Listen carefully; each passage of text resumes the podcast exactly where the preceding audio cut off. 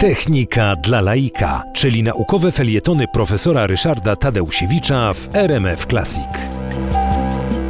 Dzisiaj jest 110. rocznica zatonięcia Titanica. Chciałem em, zaproponować Państwu spojrzenie na tą tragedię, na to wydarzenie oczami inżyniera, to znaczy nie z punktu widzenia tego wszystkiego, co się tam zdarzyło, że tej góry lodowej nie wypatrzono, że potem źle ewakuowano pasażerów, że bardzo wiele osób zmarło z wychłodzenia w lodowatej wodzie. To wszystko wszyscy wiedzą, między innymi wspaniały film Jamesa Camerona e, właśnie pod tytułem Titanic przyczynił się do tego, że wszyscy wiemy, jak to było z punktu widzenia e, no, skutków. Ja chcę powiedzieć o przyczynach. Okazuje się, że powody tego, że Titanic zatonął, bynajmniej nie, na, nie leżały w zakresie kierowania statkiem. Okazało się, że czynnikiem, który posłał na dno ten, ten, ten wspaniały statek, e, to był sposób wynagradzania pracowników stoczni. E, Zupełnie nieoczekiwana sprawa, ale warto się jej przyjrzeć. W wyniku uderzenia burtą o górę lodową, płyty stalowe, z których zbudowany był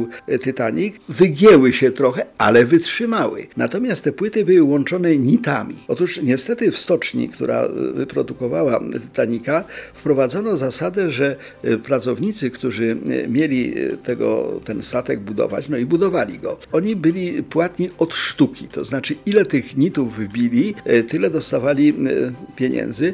Było tych nitów dużo, bo ponad 2,5 miliona tych nitów trzeba było wbić, żeby połączyć płyty stalowe i utworzyć z nich kadłub statku. Żeby łatwiej zakuwać te nity, kowale, którzy pracowali, wyżarzali specjalnie te, te nity, które były z fabryki sprowadzone i były z dobrej stali wykonane. Specjalnie trzymali długo w żarze ognia węglowego, żeby one się nasyciły węglem. Ta stal przesycona węglem była bardzo miękka, łatwo było ją zakuwać. Wobec tego wydajność w sensie tego zakuwania była wtedy bardzo duża. Wobec tego wbijali te nity właśnie takie no, zmiękczone, zmiękczone e, poprzez pewną obróbkę cieplną. Rezultat był taki, że w zimnej z kolei wodzie e, te e, nity stawały się bardzo kruche. W momencie, kiedy statek uderzył o górę lodową, nastąpiło roznitowanie. Te nity puściły i to puściły na długości 90 metrów. Wszyscy sobie wyobrażali